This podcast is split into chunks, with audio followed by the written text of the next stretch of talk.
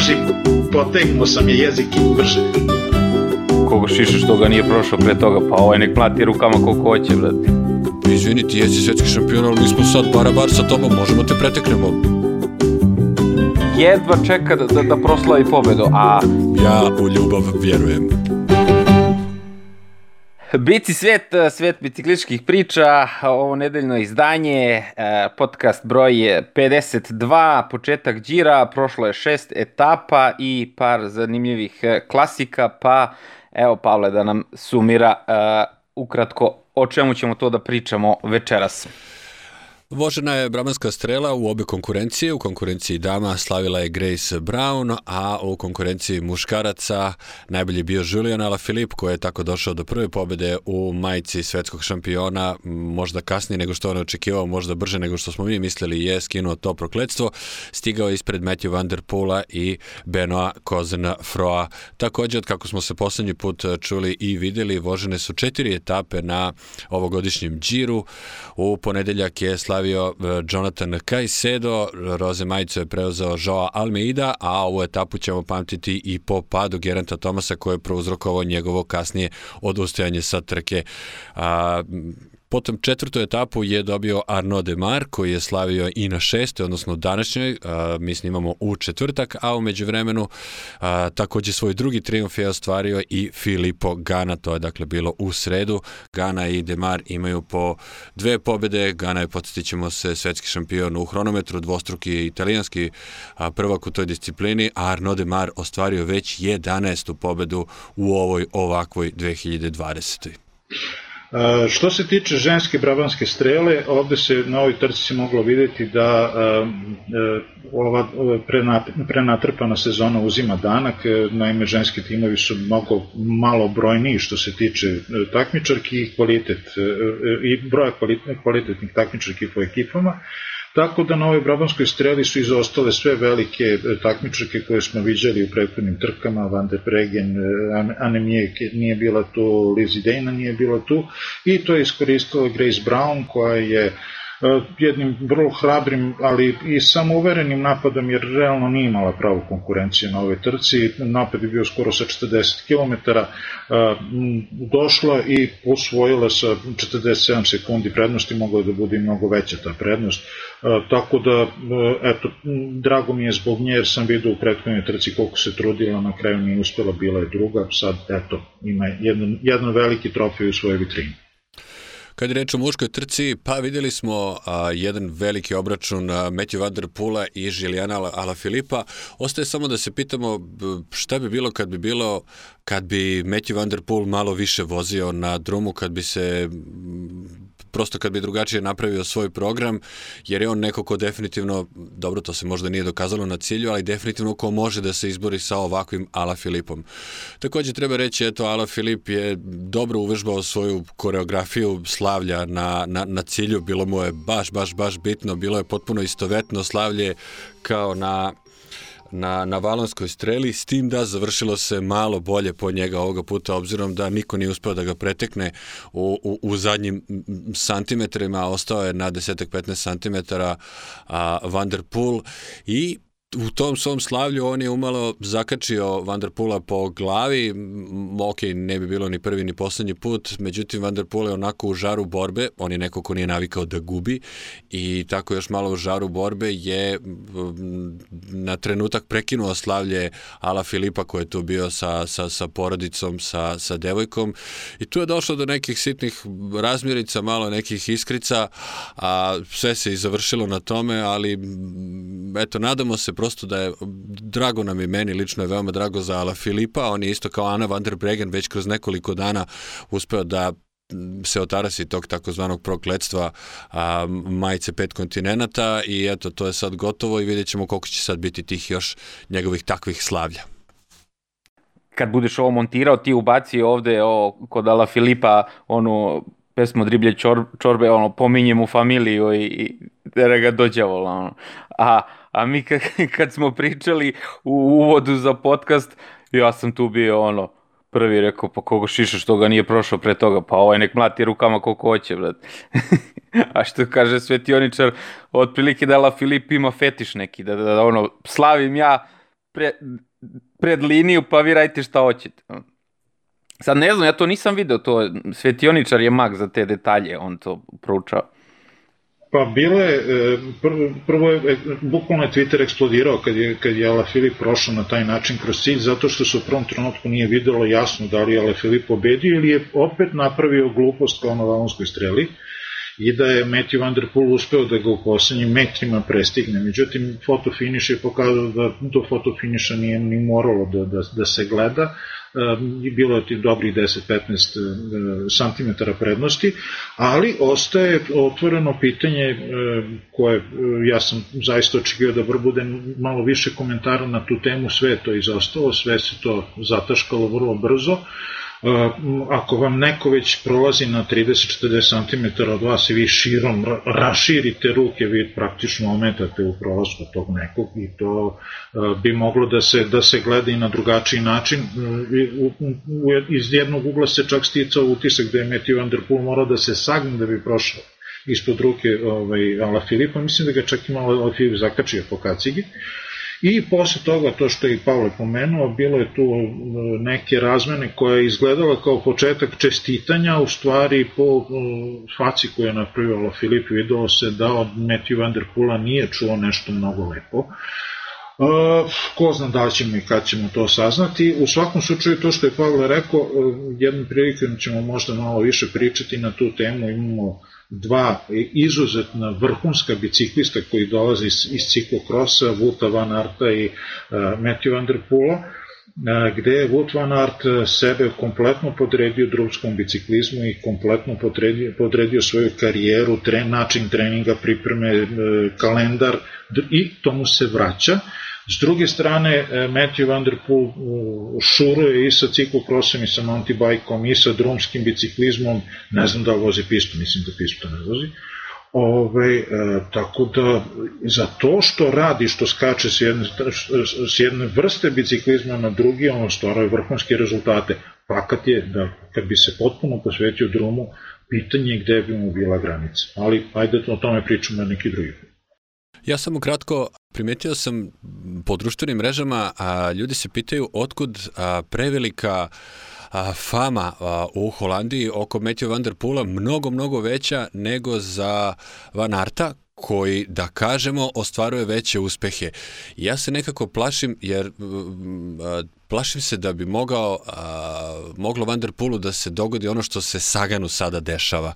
Da prosto kad ostane bez te svoje inicijalne snage, Šta će njemu ostati? Sad možemo da budemo mi elitisti i puristi da kažemo da on nije prošao onu klasičnu neku školu trkanja, da možda mu malo nedostaje iskustva i da on, znamo, on sve svoje ide na snagu, pa na snagu, pa na snagu i to nekad radi, nekad ne radi i pa ćemo vidjeti šta će se dešavati kad mu to, kad, kad bez toga nestane. I još samo malo jedna reč vezano za Ala Filipa, a, isto moglo se čuti da je on kada je osvojio titulu svetskog prvaka a, zvao a, sad mi stade mozak kako se zove, Patrika Lefevra, svog a, direktora svog kluba, svog, da kažemo, drugog oca, pogotovo nakon što tokom leta izgubio oca, svao je pitao, to je kad su se videli, vada, u imali, jesi li ponosan na mene, jesi li ponosan? Kako ne bi bio, ponosni smo na tebe svi već, već tri godine barem. A, mnogo toga imao je turbulentno leto, turbulentnu godinu, a to što tako slavi, što ne vodi računa već dve trke za redom ko je oko njega, što možda misli da je malo sam na svetu,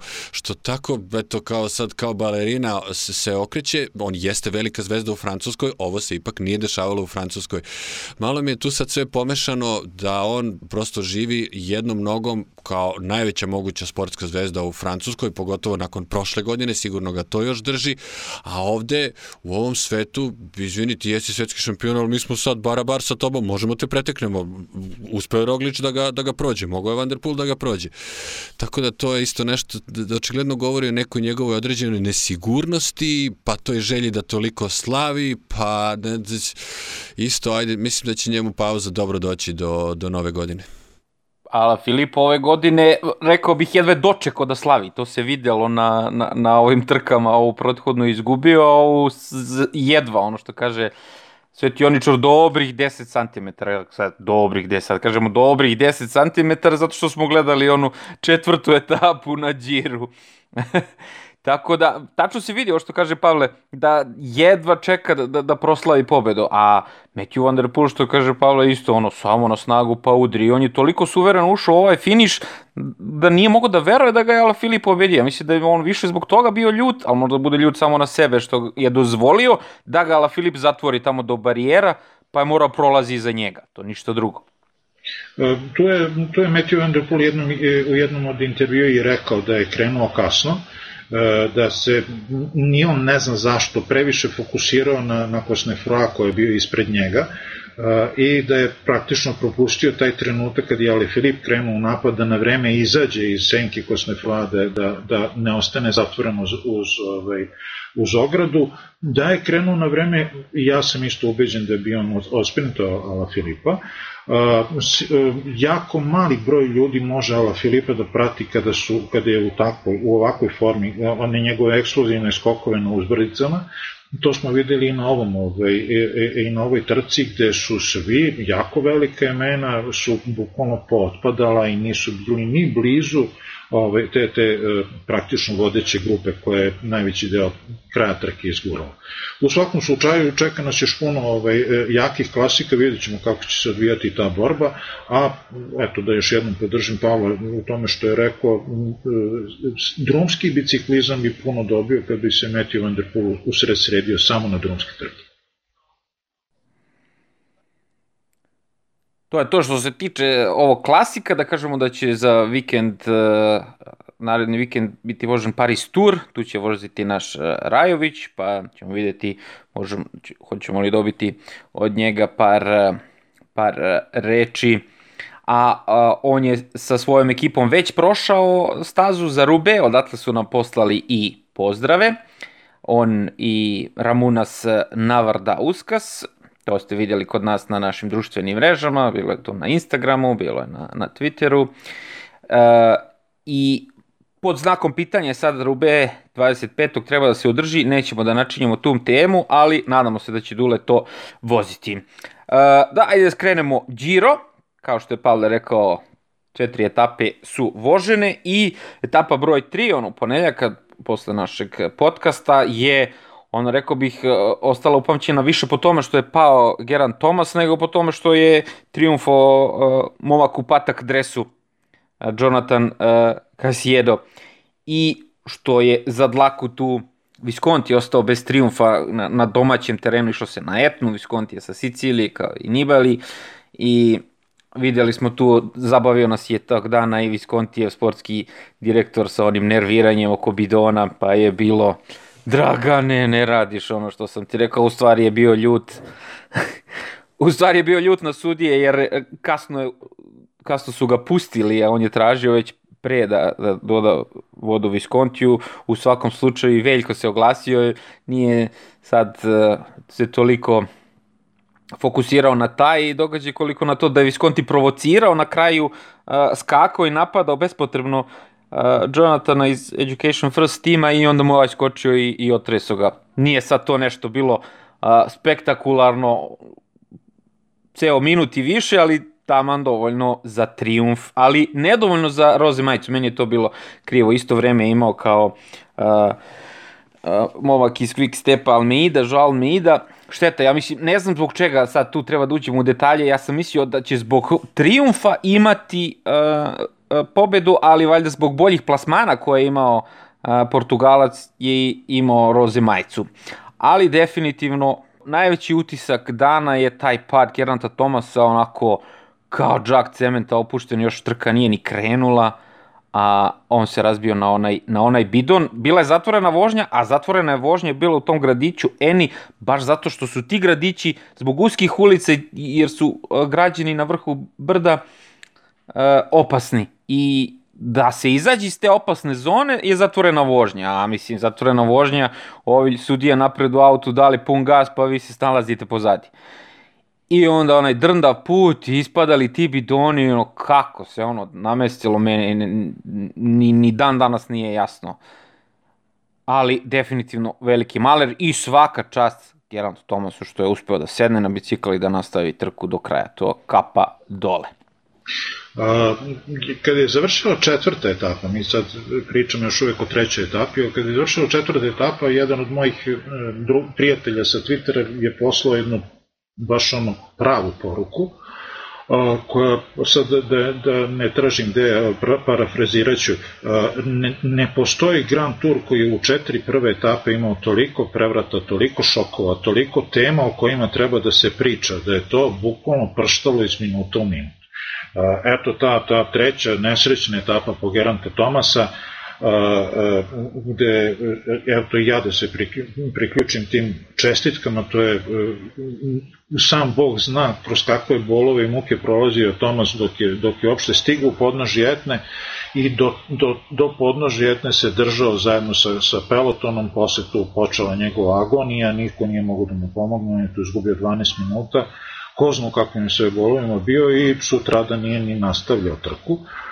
Uh, ono što, što je i Đorđe pomenuo, uh, taj, taj pad Tomasov, kad se desi pad u toku trke, dune vetar, neko nekome zakači točak, pogrešno uđe u krivinu, to je nekako deo sporta, to je nešto, ne mogu reći na, na šta se naviknu biciklisti, nikad ne možete se naviknuti na to, ali to prihvatate kao deo sporta u kojem učestvujete. Ali ovo, sa tim bidonima, to je bilo bukvalno kominsko polje na, na, na to, na tom snimku se vidi ne, taj, ne samo taj bidon na koji je e, naletao e, Genon Thomas, nego je, to je bilo još jedno 3-4 bidona koji su skakutali po, po, po, po ulici, koja je sa obe strane bila zatvorena, bukvalno nisu imali gde da ispadnu sa strane, oni su se non stop vraćali u peloton i pravo je čudo, prvo Thomas je bio skroz sa, e, najbliže toj kameri koja je snimala, znači skroz je vozio uz desnu ivicu ulice, inače svojim padom je mogao da povuče još jednu 20-30 vozača, mogao da bude baš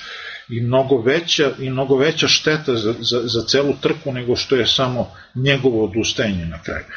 E, takođe ovu, ovu treću etapu, e, opet ja gledam neke stvari koje većina drugih ljudi ne vidi, ali e, čovjek koji je stigao treći na, na etapu, Belgijanac Van Holke, e, iz Loto Sudala, koji trenutno nosi belu majicu za, za najboljeg u, u mlađim kategorijama u, u ime Almeide, u, u, tom, u, toj, u tom rangu je drugi, je čovjek koji je u istoriji najbrže, najbrže ispeo etno Znači, ovu, ovu stazu koju smo gledali, završetak ove staze, on je isp, ovaj, bio najbrži.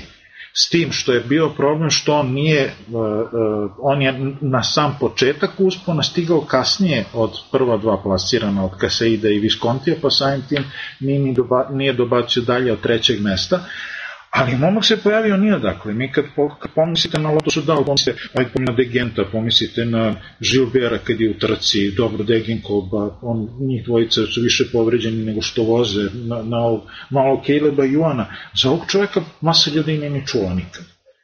I čovek tako izveze. Ovu trku, kao, ko je pobedio trku? Jonathan Caseido ko je za njega čuo pre, pre ove trke i, i ko je za njega uopšte mogao da tipuje da će da uradi nešto, da će da uzme jedan podijum od, na 21. etapi. On je čovjek osvojio treću etapu. I to je osvojio fantastično. Što kaže Đorđe, Visconti ga isprovocirao sa, sa jednim ili dva napada, ovo je rekao, dobro, ti ćeš mene, ti imaš evo sad da vidiš šta je cimanje, zoom, ubacio u treću i otiš. Znači, čovjek je, sve više imamo, ako nam išta bude dobro donela ova godina, koja je generalno nesrećna za sve nas, ovaj, e, to je masa nekih novih imena koje se pojavljuju i koji bez, bez pardona, bez nekog preteranog respekta sedne, nagazi pedalu, ja, pukovnik ili pokojnik i ode i uzme, što mi je izuzetno drago, i e, Ako treba da se desi neka smena generacija, nek se desi ovako, da se ne mučimo godinama, nego ono, sad uključiš ove, sad isključiš one i čao. Da, ovo je bila pobeda kako se može očekivati otprilike tokom treće nedelje recimo kada, kada glavnu grupu već ne interesuju begunci kada može da ode koliko god i kogod hoće. A, pored Gerenta Tomasa na kojeg bi voleo da se vratimo, a dan je obeležio i Simon Yates koji je pukao već na prvom brdu. A kada se pročula vest da Geraint Thomas otpada i da nije bilo drugog pada, u jednom trenutku smo se svi pitali kako on sad tako pada, prosto kako propada kroz grupu, da li je bilo do još, da li došlo do još nekog pada. Nibali se potrudio sa svojom ekipom gore da nagazi, naravno on je stara lisica, to prosto i treba da se radi i tu je počeo Simon Yates da otpada i sad ja ne znam, nisu još stigle vesti šta se dogodilo, sećamo se njegovog džira kada je počeo sam od sebe prosto da kada je u trećoj nedelji naprosto eksplodirao, a pre toga je išao know, pevao, pobeđivao, zadavao sekunde i tako pune dve nedelje, pa sad da li to da pripišemo njemu, njegovoj sklonosti ili uopšte 2020. Jer evo sad je baš istigla vest da Egan Bernal završava sezonu, za kojeg smo, ja lično, evo da ne, da, da ne stavljam to vama usta, ja lično sam očekivao da će da vozi Vueltu. Alberto Contador je na španskom Eurosportu rekao da postoji mogućnost da Egan Bernal vozi Giro. Znači to koliko god nama svima zvučalo neobično i da kažemo eto glupo, a da kažemo da ipak a, Contador to ne bi tek tako lupio na, na Eurosportu. I ajde to na stranu, ipak je za očekivati da Bernala pošalju na Vueltu, Pa se i tu nešto dogodilo i tu ipak evo sada ne ide, on stižu vesti da idu Karapaz i Frum kao lideri. Dakle i tu je onako možda malo mršava situacija, stigle su vesti da će Geren Thomas morati barem tri nedelje da odleži, da nema sedanja na bicikl tri nedelje, tako da za njega je sezona takođe gotova. Dakle, eto, ne znam čemu da, da pripišemo, ali ne, ne svakidašnja situacija da je Yates tu otpao i ta etapa, eto, to što kaže Peđa da je pobednik ostao u senci toga što se dešavalo u među, među pretendentima na generalni plasman, ko sad tu ide? Jer sad svi se pričali smo o, o velikom uspehu Skaja, odnosno i Ineosa i, i Gerenta Tomasa, pa i Simona Jejca na hronometru, koji su tu stekli neku prednost i sada ti kad potreš tu dvojicu, kad se to više ne računa, sad su se, svi su se vratili u igru.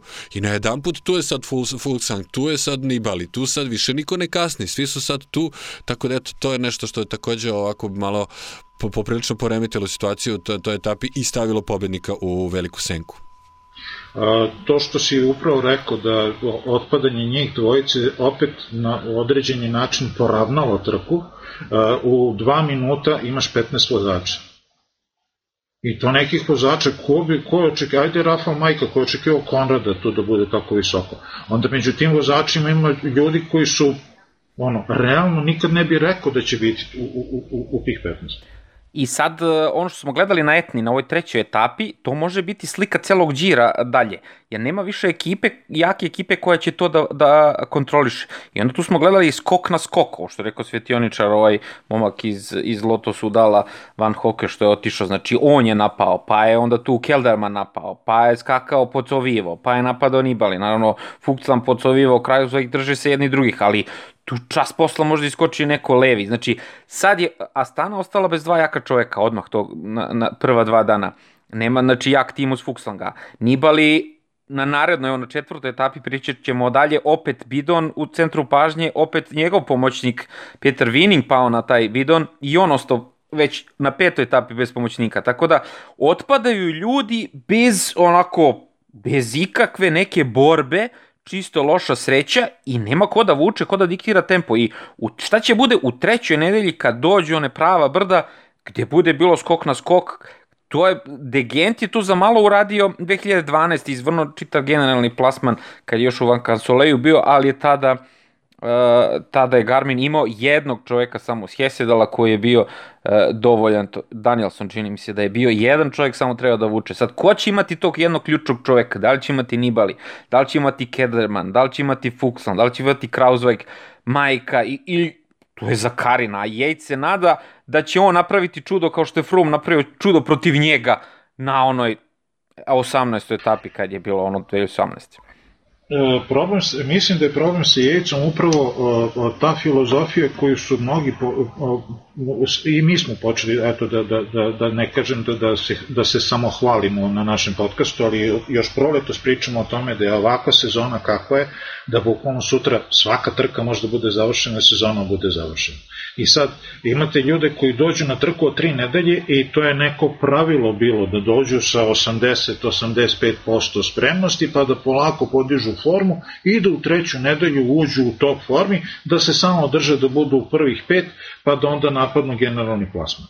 Sad nemate toga. Simon Yates je imao top formu pre 10 dana. Ali očigledno nije u, u pravom ritmu, nije u pravom treningu da tu top formu održi. On nije pao. Znači nije imao pad, nije imao neki maler koji ga je odvojio, on je bukvalno u jednom trenutku više nije mogao da postiže određenu vatažu na uzbrajici i izgubio je 3,5 minuta. I sad kad god vidimo njega u, u pelotonu, vidi ga negde pred kraj grupe. Znači on i dalje vozi tu neku rekonvalescentnu vožnju, neku vožnju kao tipa daj samo da pregrajim ovu etapu, možda će mi sutra biti bolje. Ili da se povratim, već ne znam šta je u pitanju. Vozi kao Thibaut Pinot. Pa da. Dobro, Tibo Pino za čas francuski i za Marseljezu, a ovaj ne znam zašto. Ali, opet, meni e, proradio mi je crv. Eto, e, e, pre 10 godina Sky je teo da kupi Simona Jejca, nisu hteli Adama. I braća su rekli, ne, mi hoćemo zajedno. A sad, kupili su Adama, Simon rekao, brate, idi, ja ću da ostanem. Šta? Ne razumem. A, a zvanično Simon ima mnogo bolje rezultate od Adama. Ako hoćete još kratko o Gerentu, pa možemo možda da idemo dalje. Ja a, poprilično simpatišem Gerenta Tomasa i a, veče pre nego što će on pasti i odustati je David Miller a, sumirao njegovu karijeru, razmišljali su šta ga čeka u budućnosti i a, izjavio je da bi zapravo bilo veoma interesantno ako bi on, na primer, osvojio sva tri Grand Tura po jedan put i da je to, da postoji mnogo velika, mnogo veća verovatnoća za to nego da on sad ide tamo da se gura sa svom ovom decom da proba da osvoji drugi Tour de France kao što je želeo prošle i, i, i ove godine. I ja sam taman tada, eto, tako bio sezona dobro, sad je sve spakovano za Giro, evo imamo te hronometre, to nam je namešteno, to nam je završeno, već samo da istrpimo ta brda, tu izgubimo minut, na hronometru, hronometru dobijemo minut i po, to je sve u redu i onda sledeće godine recimo ova deca dele Giro Tour, tamte vamte i onda na jesen a, a, vozi Tomas Vueltu po suncu, lepo zeza se i prođe, to sve završi, međutim izgleda da ćemo morati mal, mal se da da, da sačekamo za to. E, baš tako, ja u prošlom podcastu rekoh, e, ne treba ništa da radi do kraja. I on čovjek ništa nije radio, ali samo je pao i, i slomio karlicu. I, ali onda je naš razum se javio, svetioničar, i rekao da on mora da okreće svoje pedale i da a, mora da dođe do cilja i to je ono što je ovaj sport i tekako surov, mora da dođeš do cilja čoveče da bi ti se računalo vreme, a on je pao, a nije ni krenulo vreme da se računa. Ono. Da to je čak bila, zvanično je bilo, zvanično je bila stopirana trka. Znači, su stopirali kompletan peloton, jer je pao čovek koji je u neutralnoj zoni jedan od glavnih favorita da uzme celu trku. Ja se ne sjećam da sam nikad čuo da se to desilo. I to je veliki respekt, stvarno, to je veliki respekt od organizatora, jer ne dešava se da se čovjek razbije. Što, odmah je to značilo da je da se dobro razbio, a videlo se da je bio opušten, nije krenula trka i ja, ja se najgore razbio kad sam tako isto pao na, na dva na sat, ono, skroz je opušten, završio si trening i čička mičak i tras, a on još i nizbrdo, pa bidon i evo koliko je u stvari razlika između toga šta se desilo Tomasu i odnosa prema Tomasu na ženskoj brabanskoj streli.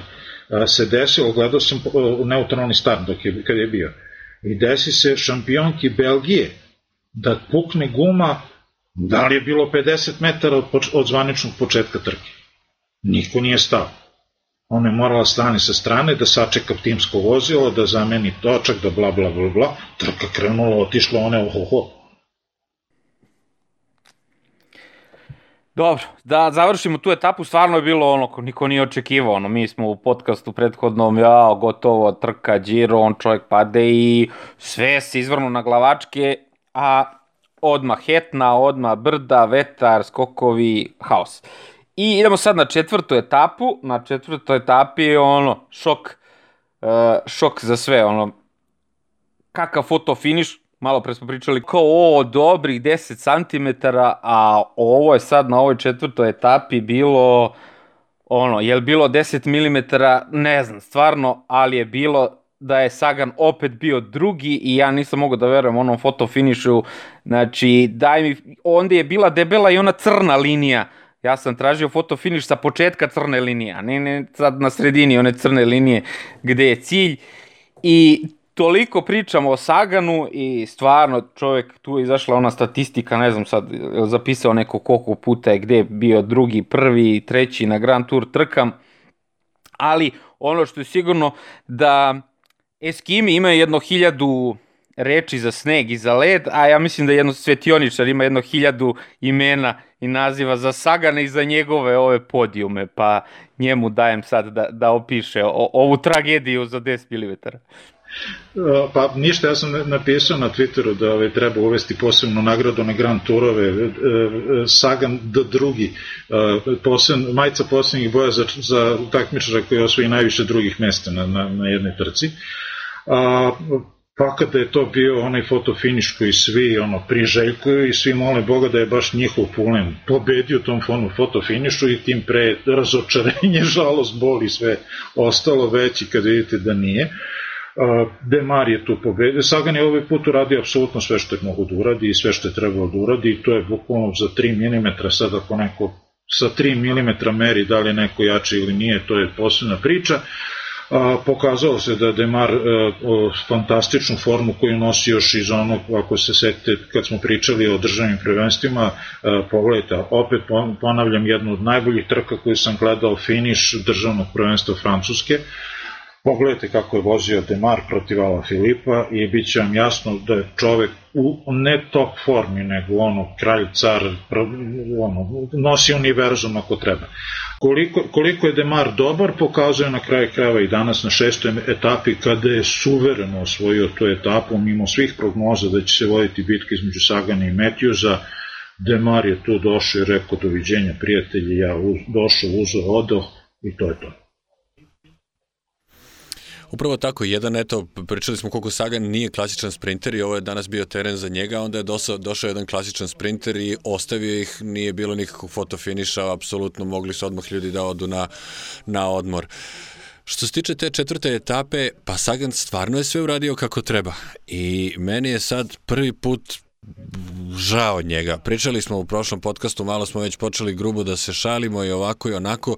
Sad mi već, ja sam gledao njegov izraz lica na cilju, on nije mogao tu ni da slavi, naravno nije smeo, prosto nije znao da li je, ali je verovatno unutar, iznutra mislio da jeste, a, a tako sam nekako imao doživlje, jer stvarno je sve uradio kako treba, stvarno je delovalo iz helikoptera da ne može niko da ga, da ga dostigne i sad mi je stvarno već šta taj čovjek treba da, da, da uradi da bi došao do jedne pobede. Stvarno je vrag odneo šalu i on je nekako a, a, čovek kao što sad imamo situaciju sa Ala Filipom, prosto kad nešto se očekuje od njega da uradi, on to uradi dok ga rogla ne odsprinta, ali generalno ispuni ta očekivanja.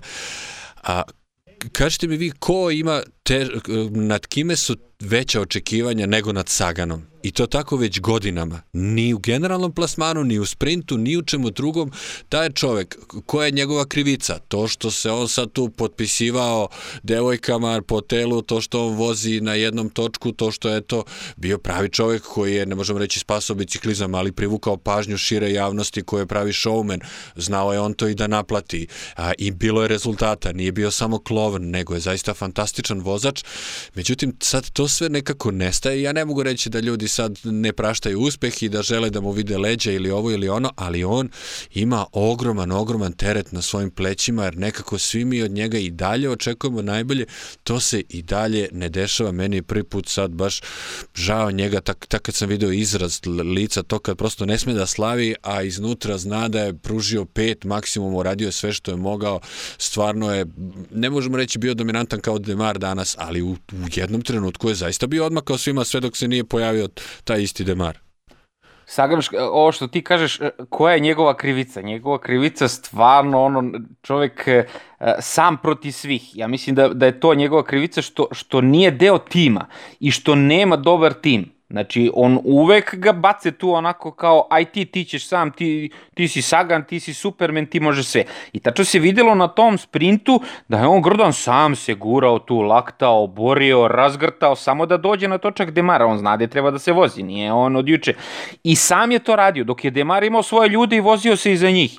I čak na jednom pukao im voz, pa je ovaj mali napred od Jurio, nije razumeo, pa nema veze, pa kao super taktika, još bolje, kao aj svi jurite njega, a Demar u zavetrini čeka dok Sagan sam mora na vetru da prolazi, to se ide 60 na sat, znači ja sam par puta išao 60 na sat u sprintu i to ono, re čoveče, probijaš se kroz testo, ono, bukvalno koji je, koji je otpor vetra, znači da, da ljudima objasnimo, znači Sagan se sam tu probijao i u trenutku kad više nije imalo kud, nije imalo gde, on je morao da otvori sprint, a Demar, ono, kao, ajde da probam, daleko sam, sprintam najbolje što mogu i tačno ono, kao, kao da je ono, o, ubilo Sagana za i ove naredne dane, a Demaru otvorilo Diznu, ono kao, e, vidi, ali ovo ide, ono, znaš.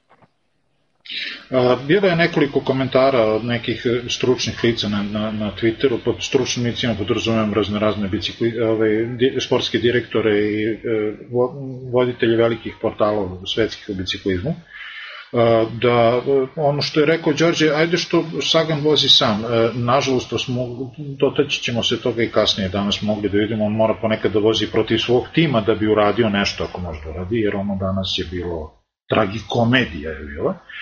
A, a, s druge strane, Demar ima sedam, u, sed, u sebe sedam ljudi posvećenih apsolutno njemu. Uh, video sam nekoliko intervjua koji su oni davali, znači pokušavaju da, da na određeni način animiraju i, i neke manje poznate vozače, da ne idu samo baš zvezde u, u, u, u, ovaj, u te intervjue. Uh, kad god su pitali nekog iz Frances de Joua, uh, uvijek je bilo da, da mi idemo za Demara i vodimo Demara i vodimo, i oni su apsolutno 200% posvećeni njemu. I ne to, oni apsolutno u svakom sekundu znaju šta treba da rade. To što je ispalo kao vidi kao ovaj mali je napao pa sad Demar pravi neku drugu taktiku.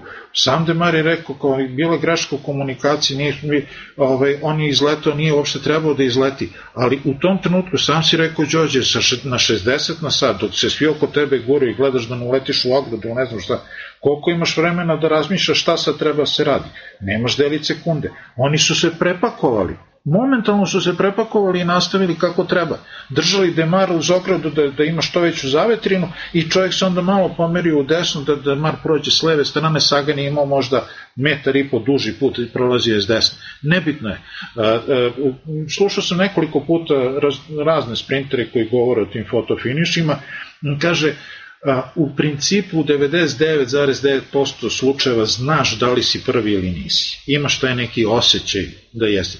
Sad, i ni jedan ni drugi, e, Nice Sagan radovao, videli smo kamere išle prvo na jednog, pa na drugog, pa je ovaj, Demar u jednom trenutku rekao, nemam pojma, ja sam samo izbacio bicikl, pa ne znam šta sam uradio, pa onda na kraju rekao, čekaj, ipak da čujemo zvanično, kad su mu rekli da je on ipak povedio, čekaj, hoću da čujem zvanično, pa ću onda da se radi. Znači, to je toliko bilo blizu da je to bilo uh, ono što, što je lepo bilo u tome, što za razliku od mnogih, nažalost, sprintova koje smo videli u poslednje vreme, ovde je prošlo bez guranja, bez opasnosti po bilo koga i svi su prošli čisto i to je možda je nešto najlepše što je u celoj toj priči kad se priča završi. Nažalost, za, za vozače Vini, Vini Zabu tima se završilo na jedan bizaran način, Znači, dolazili su kao posljednji u, grup, u, u, u pelotonu, nisu čak ni motali nešto previše brzo, bili su daleko od rampe.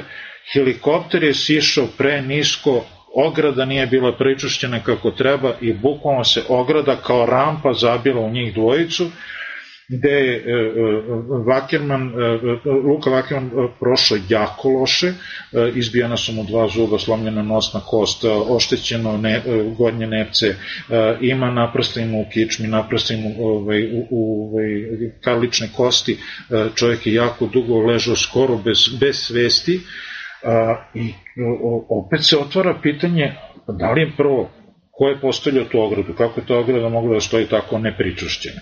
Drugo, taj, taj vozač helikoptera sigurno zna koliko njegove lise i to što, što, što helikopter radi utiče na, na, do, kako je moglo da siđe tako nisko, šta je uradio. Ko će da odgovara za to? Ajde, da, da, da, li se, da li će u jednom trenutku da se pokrene odgovornost toga? Ja zaista moram da pomenem i to što se desilo na početku, bit ću kratak, neću da dužim, što se desilo Peteru Viningu, desilo se isto što je slično kao, kao Bardel. Pao je, digao se i očigledno čovek te tura, očigledno ne može da povrati ravnotežu. Svejedno ga vraćaju na bicikl, on završava etapu i sutra uopšte se ne pojavljuje na startu, jer i sutra ima vrtoglavicu. On je videlo se posle na snimku da je jako udario glavom, bez obzira na ta kaciga, ne kaciga, taj udarac je jak. Gde su tu bili lekari? Ko je to mu trebao da kaže, čekaj, ovaj čovjek uopšte nije sposoban da vozi? Znači, to je nešto što, ćemo, što će neko, u jednom trenutku neko morati da pokrene to pitanje. Veoma je delikatno pitanje, jer ako dođe neki lekar od strane trke, pre ili kasnije će neko da dođe i da, da, da, da kaže šta ste vi zaustavili mog vozača. Tako da tu je baš i baš i baš i delikatno pitanje. Ne, pa, samo, pa mi je na pamet nešto, eto da mi se tako neki pojavi. I sad mu kažeš, evo vidi, sad ovaj čovjek očigledno te tura nema ravnotežu, sad će da sedne na motor, će da sedneš njim da se provozaš jedno 200 km Ajde da vidimo da li će da sedne. Znači, postoji određeno nešto što se zove legi artis. Postoji nešto što lekari su učeni šta treba da rade u kojim situacijama. Ti lekari nisu juče izašli iz kluba. Oni su specijalisti za određene vrste povrede koje su karakteristične za biciklizam. Ako on i danas, znači 24 sata posle toga, ako on ima ovaj, i dalje posledice tog pada, pa i, i, i, i tad kad je ustao, videlo se, na snimku se videlo da, da mu se noge, ono što kažu, ukršta nogama, kao da je pijan. Jedva se popeo na bicikl. Isto i Barde uradio, jedva se popeo na bicikl i opet su ga gurnuli da ide. Ne postoji ta cena koja to može da opravda. Ali prvi je vozač taj koji, ko, koji skače podsvesno, tako vozi 15 godina. Prvi je taj vozač, pa i njegov, i njegov DS je nekadašnji vozač u žaru borbe zbog obaveza prema sponzorima, pa tek kad prođe onda 5-10 minuta, 2 sata, pa kaže možda baš nisam morao. Ko, izvini, koji je, koji je život koji je život vredan toga? Koji je život vredan toga? Ja svima koji sumnjuju ono da, da sam u pravu, savjetujem da pogledaju trku oko Kalifornije, kada je Tom Squinish pao. I pogledajte na šta je ličio čovjek koji ustane posle teške povrede glave i kako prolaze i organizatori trke i svi vozači pored njega, za malo ga nisu ubili onda na ulici. Pa to si sve ti u pravu, ali to su sad, uh, uh, mnogo se uh, izdešavalo u veoma kratkom vremenskom periodu i nije niko uspeo da, da taj protokol uh, dovede do nekog, ovo što kaže Pavle, da budu svi nekako zadovoljni i uh, dosta puta doktor nije ni stigao tu na, na, na lice mesta na mesto nesreće da kažemo, ga tako nazovemo, jer može da bude i mesto udesa, može da bude posle i, i pravno pitanje, a, a vozač je u tom žaru borbe, što smo rekli, što je tako surov sport i tako surova trka, sam već kočio ono bunova, ne zna šta se dešava, daj biciklu, samo idem da završim, da ne izgubim vreme.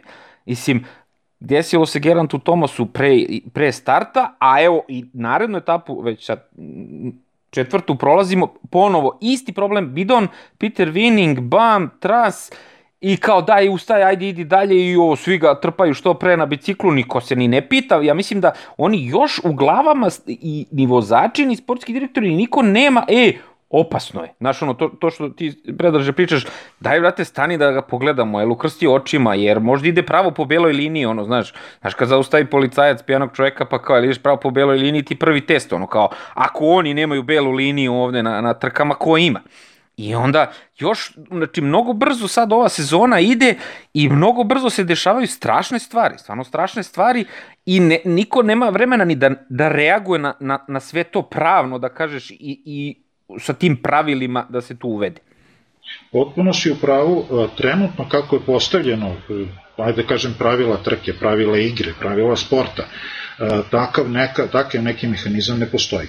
Znači, samo govorimo o tome da u jednom trenutku, ono, pričali smo jednom prilikom i o tome, da kako uopšte ide procedura da neko iznese neki, negde nekom neki predlog, ej, da se poboljša sigurnost trke, ajde da uradimo to i to. I da uvedemo kao obavezu to i to. Bace papirić 200 švajcarskih franaka, odmah se zna. Čekaj bre, ovde čovjek za malo poginuo. I ništa. Znači, mora da postoji za to neka procedura. Znači, pao si, udario si glavom, moraš da sta, sačekaš da dođe ko, vozilo lekara. Ono stigne za dva minuta. Pogotovo što u tom delu trke nije bio ne znam kako presudno, znači ima vremena i vremena. Veoma, veoma, veoma kompleksno i e, još jedan put bi se vratio na same vozače. Evo recimo da, da sad, sad malo ćemo odužiti, ali pola minuta.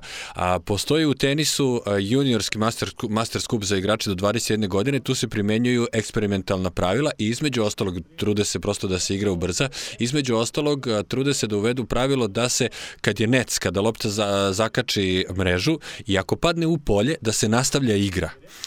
A Nebojša Višković je pričao da to i, i za igrače apsolutno nemoguće, e, da bi trebalo da prođe sad 20 godina da se to uvede, zato što igrači u podsvesti, kada zakači loptu, to staje. Evo, Geren Thomas, a, velika prilika za njega na džiru. Dobro je odvozio hronometar, tvrdi da se osjeća dobro, želi da a, iskoristi, znamo da se ne osjeća baš najbolje prema Bernalu, želi da iskoristi između ostalog njegov kiks, želi da spase sezonu svoje ekipe. On je sad vratio možda ljude da, da ga čuvaju, da ga dovuku do cilja. Sad nije on vratio, vratila ga, vratila ga ekipa. Mogu je on da kaže, ljudi, nemojte da me čekate da on prelomi, da se on pomiri sa porazom, da on tu, da on kaže idite spašavajte generalni plasman ako iko može. Oni su sad potpuno van toga, to je druga priča. Ok, ušli, uzeli su sad etapnu pobedu, to je sad, ok, donekle su spasli i sa onim Kvijatkovskim e, na, na turu, to im je sad sve u redu. Ovo je prvi put da se njima dešava da kad im propadne generalni plasman, da zapravo uzmu etapu. Ali on je mogao da nema taj borbeni duh koji je i potreban, koji volimo da vidimo, da, da nema toga, da on rekao, ja svejedno stižem, dajte mi dvojicu vozača, ali vi ostali, idite, nek se bori Denis, nek se bori ajde Gana, koliko sad on može čovjek od 100 kila da se bori za generalni, ne znam šta, tu su svi pogubili vreme i ta ekipa je sad izgubila jedan svoj, na primjer, neki, nešto što je, zašto je mogla da se bori, zbog takve reakcije vozača. Aj kad si već tu da skočim odmah na ovu petu etapu, ovo je mislim sad ovim povredama i ovim čudima uh, otvorili smo Pandorinu kutiju, možemo sad da, da raspravljamo do sutra, ništa nećemo da rešimo jer vidimo da ni uci ni vozači ne, nemaju komunikaciju i da je tu da je, da je tu haos. Ali ovo što si sad rekao za, za, za Ineos tim, već smo videli na naredno, uh, narednoj etapi, etapi broj 5 kad je Filippo Gana triumfovao. Znači, prilika života. Znači, Filipo Gana je bio najaktivniji tog dana i u, fo, u to dečko je u životnoj formi. To se videlo i na svetskom prvenstvu, to se videlo i na prvoj etapi i to je sad, otišao napred i prilika života, jer inače je u timu koji su svi za jednog, ovo što kaže Pavle, nema sad, tu je hirarhija takva, stajemo, iako je ono što Pavle kaže na mjestu, to da on kaže, e, ajde vi idite, ja sam već gotov, ja ne mogu da okrenem pedalu, možete vi da se borite, ali svi su za jednog i svi su tu stali uz njega. I sad je ovo, pošto je takva konstitucija u timu, Kana imao priliku života da taj dan vozi i videlo se da je ceo dan on išao kroz grupu animirao, ajde, ajde, daj, daj, jer nije bilo izvesno da li će Bek da stigne ili neće da stigne. Na kraju spletom okolnosti, su se posvađali De, De, i Rubio, pa je opet on napao, skočio, skočio i otišao. Ali To je ovo isto što Pavle kaže. Vozi u Sky timu i u, u, u glavama njihovim je to radimo mi za ovaj generalni plasman. Čovjek pao slomio karlicu, oni dalje to isto rade. Mislim, ono, kaže Pavle, e, brate, boli me, ne mogu da okrenem pedalu, vozite, ono, kao, ja ću da dobauljam do cilja, pa ćemo da vidimo šta će da bude dalje. Ali generalno, na toj etapi broj 5, meni je to najći utisak da je Gana iskoristio tu priliku života kad se poklopile zvezde, retrogradni Merkur i, i, i Geranta izbacio tamo, e, da on, ja ne znam, radio za Pućija, šta je radio, ali definitivno dečko ne znam koliko je jak, ono, jak je, prvi Giro vozi i dve pobede već ima, ono, svaka mu, svaka mu čast. E, za mene utisak svih utisaka, da kad sam posle pogledao, Gana ima, bilo je, bio je podatak da ima 100, da je visok 194 i da je težak 76 kg. On je jedan od redkih ljudi u pelotonu koji liči na čoveka. Znači, svi ostali, su, svi ostali liče na ono, bicikliste, dvodimenzionalna bića, što bi davno rekli Đorđe i Ognjen u nekim prenosima, a, ali ovaj čovjek izgleda normalno uhranjen, izgleda ono što bi rekla moja baba, ima zašto kuće da ga ugrize. Ovaj, e, I sad e, vozi jednu etapu koja je teška brdska etapa. Nisu ono nebu pod oblake, ali smo videli 11 stepeni, kiša, magla, ludilo, klizav drum. I čovek tako visok sa tim kilogramima pobeđuje. Najluđe od svega, što ne znam zašto, iz kog razloga ljudi iz našeg, sa našeg omiljenog sajta za uzimanje podataka statističkih Pro Cycling Stats se čuju sa sportskim direktorima Ineosa i pitaju, čekaj, mi smo našli podatak na Wikipediji da je on visok 194 i težak 76 kg, je to tačno? A oni kažu, ne, nije tačno, on je težak 82 kg. 82 kg, eno na Pro Cycling Statsu na kraju su izbacili screenshot, promenili su podatak. Čovek od 82 kg i 194 cm visine pobeđuje brdsku etapu i to suvereno pobeđuje, dere sve, kogod da je ostao i preostao, ostalo jako puno dobrih brdaša u, u, u pelotonu. Za mene to apsolutni utisak do sada džira, najveći, veći utisak od toga nema. A imao je i sreću, bio je jak, da je sumnjivo, znači bio je jak i jak je i bit će jak i narednih dana, ono, može pobedi još 2-3 dana, sigurno. I danas smo ga videli da je izlazio napred da vuče na, u, uz onu uzbrdicu, čovek je jak, nema šta. Dečko ne zna koliko je jaka i on isto ima 22, 3, 4 godine, ono koliko ima mladje. Uh, ali uh, još jedna stvar što je išlo mu na ruku to što se posvađali Degent i ovaj Rubi, ono movie star i njihova sumnjiva taktika, ono kao Degent kao brate ajde nisi vuko nisi vuko dok je tvoj čovjek bio napred, ali ajde brate spoj sad jedan put kad kad smo stigli tvog čoveka i sve smo stigli i ništa. I kaže Degent, Pa dobro, ja sam baš srećan što je Gana pobedio, a nije Rubi. Ono, bukvalno, iskreno, jer je, ja nije idem baš nešto dobro nizbrdo, bila kiša i sigurno bi me, ovo, ne znam kako ide, sigurno bi me prošao tako da bi ja izgubio, ali kad sam već ja izgubio, i ti si izgubio prijatelju Rubio i onda mi je baš drago što je Gana pobedio. Ono, Degenta kao, brate, brate, Belgijanac, svaka ti čast. Pa Gana bi tako mogao možda da uzme i četiri etape na, na ovom džiru. Ako pretpostavimo, evo sad manje više znamo da neće imati nikakve obaveze u borbi za generalni plasman, mogao bi da odmara pred hronometre i da tu to počisti i da završi džiro sa četiri etape, što je stvarno fantastično, možda negde usput dođe do još neki umeđu vremenu. A kad smo na ovoj etapi, okrenuo bi se na a, ekipu Trek Segafreda. A, šta se tu tačno dešava? I, i videli smo čak i da danas je pokušavao Nibali, dakle u četvrtak na ovoj, jel tako je šestoj etapi, je pokušavao Nibali da šta, da pobedi, da ukrade 10 sekundi, što, ajde, nije malo, ali nije možda ni vredno takvog truda. U, ovde smo stvarno videli u jednom trenutku kad su krenuli sprinteri na, na koliko, na 700 metara da gaze Nibalija i ove ostale. Baš je bio onako disparitet u, u brzini. Plus Segafredo nekako tu Đa ide svom snagom, Đa ne ide, šta, ajde razumem na ovoj etapi kad je, kad je Geren Thomas otpao, kad je otpao Yates, oni su rekli ok, idemo mi sad gazimo, koristimo svoje, to je apsolutno legitimno. Nije ni ovde da su radili nešto što nije legitimno, nego nekako kao da sad oni su videli da može Jumbo Visma da radi ono što je radio Ineos i sad prosto kad tu nema ni jedne druge ekipe, sad, sad smo to mi. Oni su već ostali bez jednog vozača, plus, eto, neka se ne naljute, nemaju ipak tako jak sastav, rade to, da kažemo, prerano, rade možda na pogrešno mesto gde nije dovoljno velika uzbrdica, nije dovoljno dugačka da bi nešto napravili. I na kraju, kao šlag na tortu, što smo videli što Roglić nije radio, da bi se to iskoristilo, glavni čovjek mora da skoči. To je izostalo. Da li, će, da li to možda znak Nibalija koji pokušava da dođe ovde na, na ravničarskoj etapi do 10 sekundi? Šta se tu tačno dešava? Da li to znak njegovog, njegove nesigurnosti? Koliko će njima ostati snage u trećoj nedelji?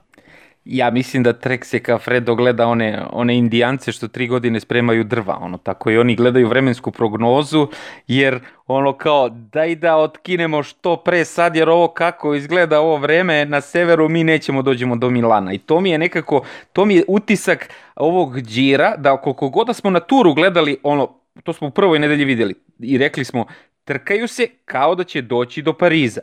E, a ovde meni Trek Segafredo, ovo što Pavle kaže, trkaju mi se kao da neće da dođu do Milana. Pa onda daj da vidimo gde god možemo da otkinemo, nebitno je li Vulkan, je li Matera, je li su katakombe, gde je, daj da otkinemo što pre da se mi dokopamo te roze majice, jer Nibali, čini mi se, tek sad kad je uh, ovaj nesrećni Geran Thomas odustao, o, dobija ono pravo smisao svog nadimka, ono ajkula, ono kao namirisao je krv, sad bio je minut i, i 40 sekundi bio u zaostatku, a sad je već, uh, tu je na minut, ali nije Gerant ispred njega, nego su neki dečaci koje on nizbrdo može da nizbrdo može i tekako da, da stavi na muke i pod velikim pritiskom i nemojmo zaboraviti da je upravo Remko Evenpol pao nizbrdo kad je Nibali sve njih onako načepio i stavio pod pritisak. Znači, to je sad, Nibali je kod kuće, bio je tu Messini, a, njegov Giro je sad, znači, koliko, pre, rekli smo ono, ne znam, 30 dana, 40 dana će se trkati, koliko sam ja ono brojao pre, prošli pretprošli podcast, 40 dana će se trkati ako ovaj Giro bude stigao do Milana samo u Italiji. Tako da mi je to utisak još jedan i ovo što Pavle kaže o Trek Segafredu.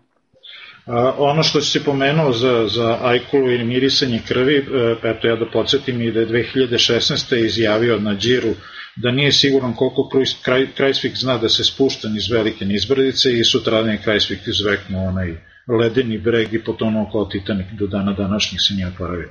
A, a kad ste pominjali e, Tomasa de Genta, znate zašto je sad bitan Tomas de Gent za ovu trku? Ne. A on je jedini Tomas koji nam je preostao, pošto je to Geran Tomas je otpao i Tomas iz France de Joux je od, ovaj, napustio trku. Bilo su trojica, sad je ostao samo. znači, pravda za Tomasa. Dobro, imamo, imamo Filipo Gana i Filipo Zana. E, to, a, dobro ti, to, o, ovaj, oni se samo rimuju, ovi su baš identični pisanje imena i prezimena. E, mislim, Uh, super, mi ovo sve prelazimo, ali daj da ne zaboravimo da pomenemo čoveka koji vozi roze majicu i koji se bori i koji žestoko to brani, Joao uh, Almeida, dečko, i on 22 godine ima, znači isto ko Pogača, 22 godine ima, Portugalac, ono, ko, ko je sad ovaj, ono, mislim, ne može više čovjek da ih pohvata, ova dečurlija to samo dolazi.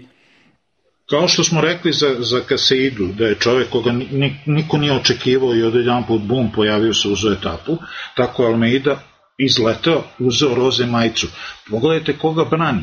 Brani ga ceo Quickstep i toga brane kao da je najveća zvezda na svetu Masnada, kog su u, u pola sezone prevukli iz CCC-a da im bude prvi čovjek za generalni, nigde se ne eksponira, čovjek vozi u vozu zajedno sa, sa, sa uh, Almeidom. Uh, danas eno, imali smo prilike da vidimo desio se uh, nesrećni slučaj, sudarili se, naletao na ogradu, ostao bez, bez točka, bez panike su stali trojica, četvorica pored njega, sačekali da zameni bicikl, vratili ga nazad, ćao zdravo. Znači, tu se vidi pravi tim. Znači, kao što je Frances de Joux pravi tim za jednog sprintera i potpuno posvećen jednom čoveku, Quickstep je tim koji u sekundi može da se, sad da, da ne znam, ne da Bože da se desi, idi nešto sutra, i da otpadne iz generalnog da masnada iskoči, oni će se kompletno okrenuti novoj, kao mravi, novoj matici. Znači, bez pogovora, jedna od fantastičnih stvari koji, koji ovaj, Quickstep postiže već decenije i više, to je da kogo dođe tamo, ti si deo sistema i ti si šraf ako treba, a ako treba budeš ekstra zvezda, napravit ćemo te da budeš najsjajnija zvezda ovo što kaže Predrag, baš e, bi se složio sa tim, samo da dodam da su oni trebali da dođu sa Remkom Evenpolom i sa, ovim, e, sa Jungelsom e, da to bude prvi tim. A vidi sad, znači, ono, drugi neki tim, treći tim nosi roze majicu i piči pungas, svaka im čast.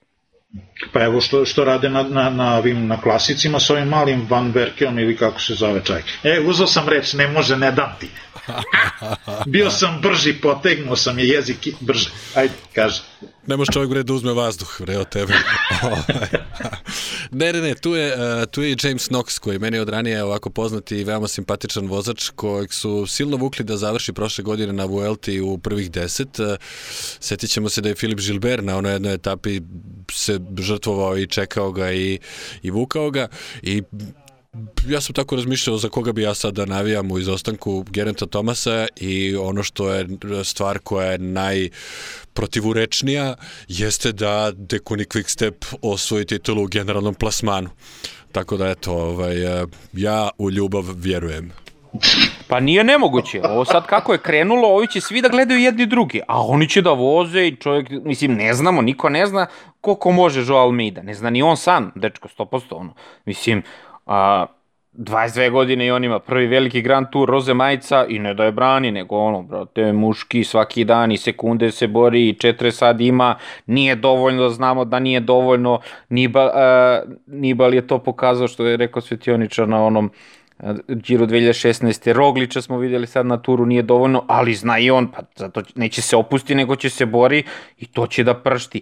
I mislim da sad, do ovih sad nekih eh, hronometara, a i tu je Joao Almeida zahvaljujući hronometru u toj poziciji da preuzme roze majicu, znači i to vozi dobro, tako da men nije nemoguće da on ovo osvoji, a što može sutra da prek sutra bude neko nevreme tamo ko ono na turu što je bilo prekida se trka, tek treba da idu one planine u trećoj nedelji i zato svi žure da se što pre sad ovde dokopaju te majice, jer niko ne zna šta će bude na severu Italije.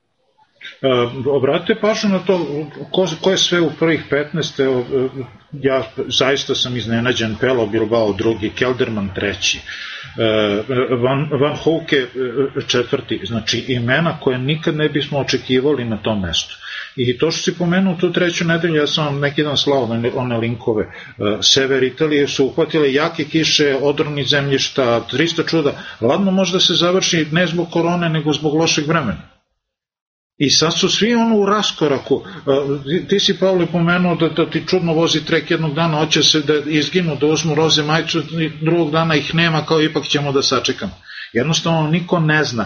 I e, možda e, možda jedina ispravna prava taktika tipa uzmi sad što možeš da uzmeš, a probaj to da posle braniš za razliku od onoga što smo, kako smo se svi e, nadali da će Pogačar da uradi što je uradio, on još on otišao korak dalje, pouzao žutu majicu u 20. etapi i u 21. samo se prošetao prošetao Parizu. Znači, e, e, ladno može da se desi. Jedna od stvari koja mi se dopadaju kod Almeide, nije zvezda u smislu svako voli da radi, da gine za takvog vozača koji vidiš da daje sve od sebe. Kad treba da se sprinta, sprinta, gura se napred, ide napred. Nije, nije primadona koja sedi na kraju e, svog, svog voza i čeka da drugi odade posao za njega. Nego baš se, kad treba onda se pojavi, pojavi se i odradi najbolje moguće. I onda ostatak njegovog tima kaže, e, za ovog momka vredi raditi, nije, nije cmizdra, ajde da, da, da, da damo sve od sebe da, da mu pomognemo. A samo bi se vratio za sekund na onu varijantu tipa uh, zašto Geran Thomas nije rekao ekipi da, da ostave i da, da zašto isto ovaj, Arnaud Demar 2017. nije rekao svojoj ekipi, e, ne mogu da vučem dalje, nego još četvoricu povukao da, da ih uhvati rampa da otpadnu sa, sa, sa, sa te trke. Uh, eno, i sad smo skoro i gledali smo Tour de France, je Aru nije išlo dobro. Niko iz tima nije bio sa njim. Tim je dao naredbu, a, a Ru otpada, ne, ne idemo zdravo, nećemo da žrtvujemo nikoga, idete svi napred. I Aru je sam vozio koliko, 30, 40, 50 km na kraju otpao.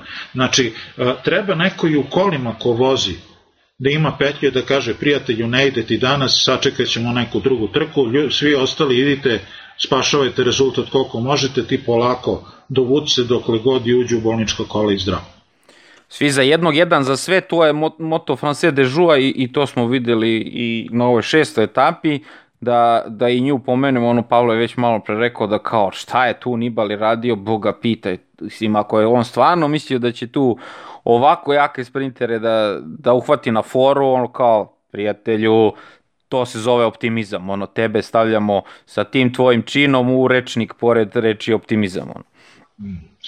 E, ja moram da, e, samo najkraće rečeno, e, neću uopšte, jer za ovo bi mi trebalo jedno 10 sati da ispričam, ja jednostavno ne mogu da dođem sebi, i ne mogu da objasnim sebi šta Bora radi.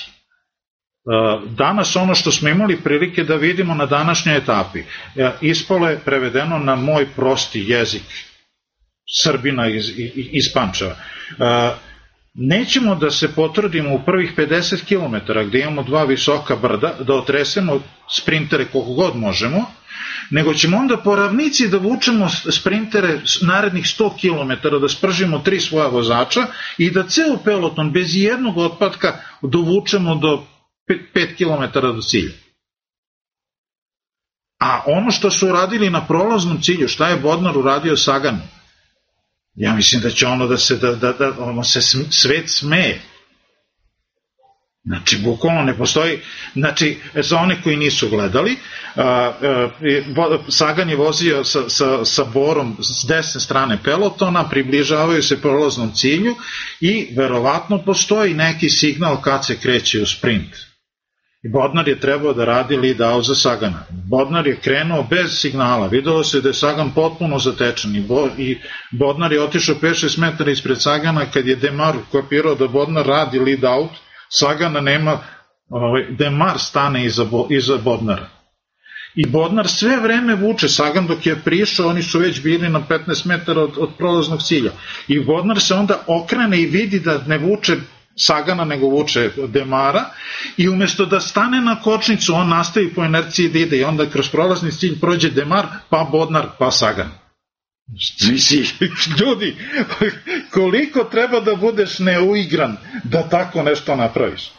Pa tu se vidi, stvarno su ne, nisu imali trke i oni bi da pomognu, a ne znaju kako. Ono, I oni pomažu i onda se svede na onaj crtač duška do guška, ono, učini mi nešto, nemoj više ništa da mi činiš. Ono, bukvalno, bukvalno tako voze. e, ali bukvalno tako.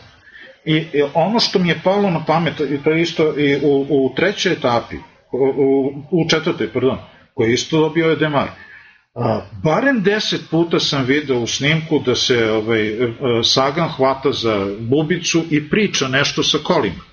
E sad, ja zaista ne znam, stalno, e, u drugim sportovima se stalno piše, ne znam, da Lebron uh, utiče na odluke trenera, da u stvari trenera se ne sluša, da se sluša šta Lebron kaže da se igra na parketu, da pričalo se da to radi Messi u Barceloni, 300 čuda koliko u stvari vozač koji je na drumu ima uticaj na taktiku koja se tog trenutka radi.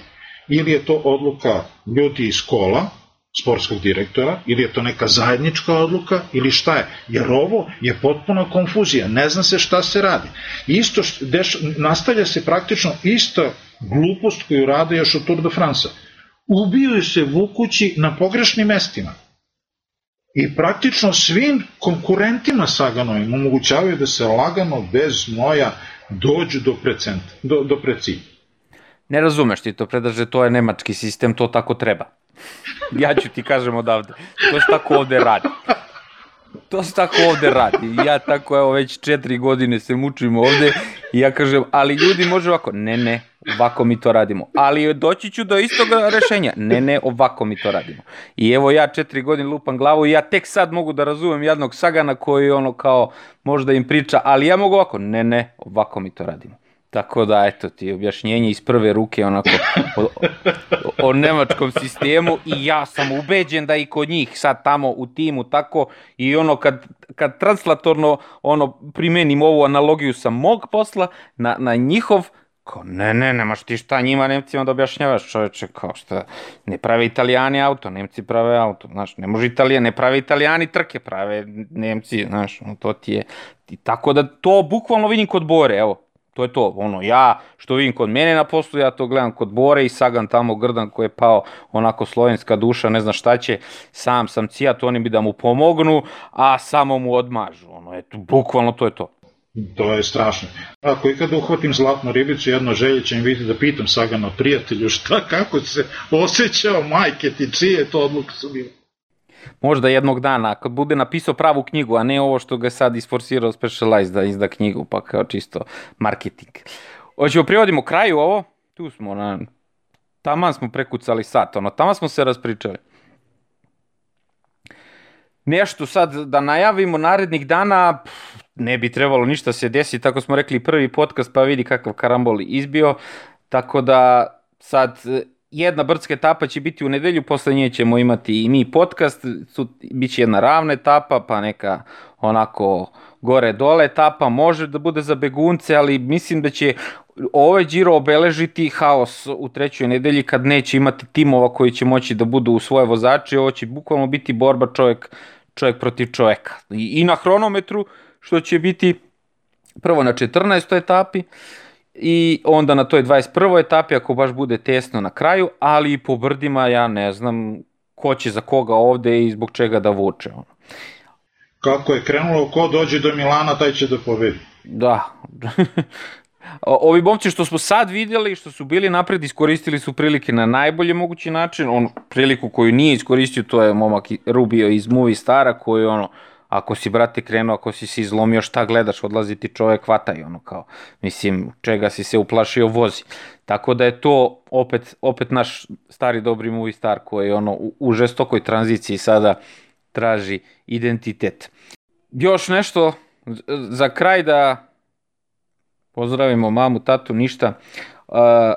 Evo, Pavle ima Lepo je vidjeti majicu uh, državnog šampiona bez sponzora. Jeste malo baš neobično da na onolikom čoveku nema baš ni jedno jedino slovo, ali je lepo i to je potvrda opet uh, kako taj tim se odnosi prema biciklizmu i to je baš eto lepo vidjeti.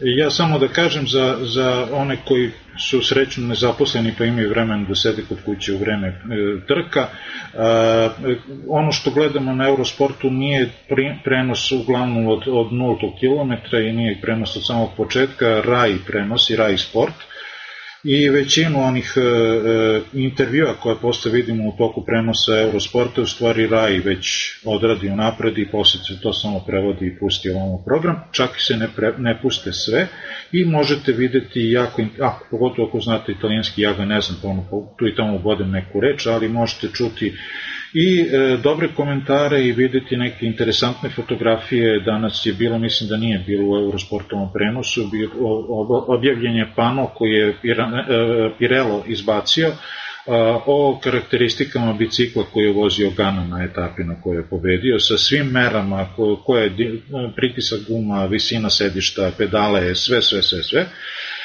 znači za ljude koji vole ovaj, tehničku stranu i u svakom slučaju taj prenos, kažem, počinje od 0 km, znači kad vidite negde da je na Eurosportu prenos počinje u 1, već u podne možete naj, preko interneta naći te da To je to što se tiče uh, ove epizode, još jedan put da vas pozovemo da se subscribe na naš uh, YouTube kanal, tu otprilike najviše volite da slušate i gledate. Na audio platformama smo takođe prisutni, na svim društvenim mrežama smo na raspolaganju, najviše smo na Twitteru, stiglo je dosta tu pratilaca novih od kad radimo podcaste, objašnjavamo da je Twitter najbrži protok informacije, tu, sazna, tu i mi crpimo najveći deo informacije jer stvarno ljudi to prate onako uh, verovali ili ne više od svetioničara, čak i dan i noć, pa izbacuju izbacuju i uh, podatke koje i svetioničar prepisuje. Moram da te ofiram sad ovako. Za kraj. Ne, ne, ne, kažem, recimo, izvini, Plan Ruž, jedan od jakih na Twitteru, radi devet ljudi, ja radim sam. Eto. Devet ljudi, svaka Devet ljudi. Nisam znao da je devet ljudi, oni su stvarno... Da, da, devet, devet ljudi. ljudi. Sa, oni su izbacili. Eto, sad možeš mirno da spavaš. Mogu mirno spavati. Tebe desetog ima da im preporučimo i kraj. Ćao, do slušanja. Doviđenja svima. Ćao. Ćao, vidimo se.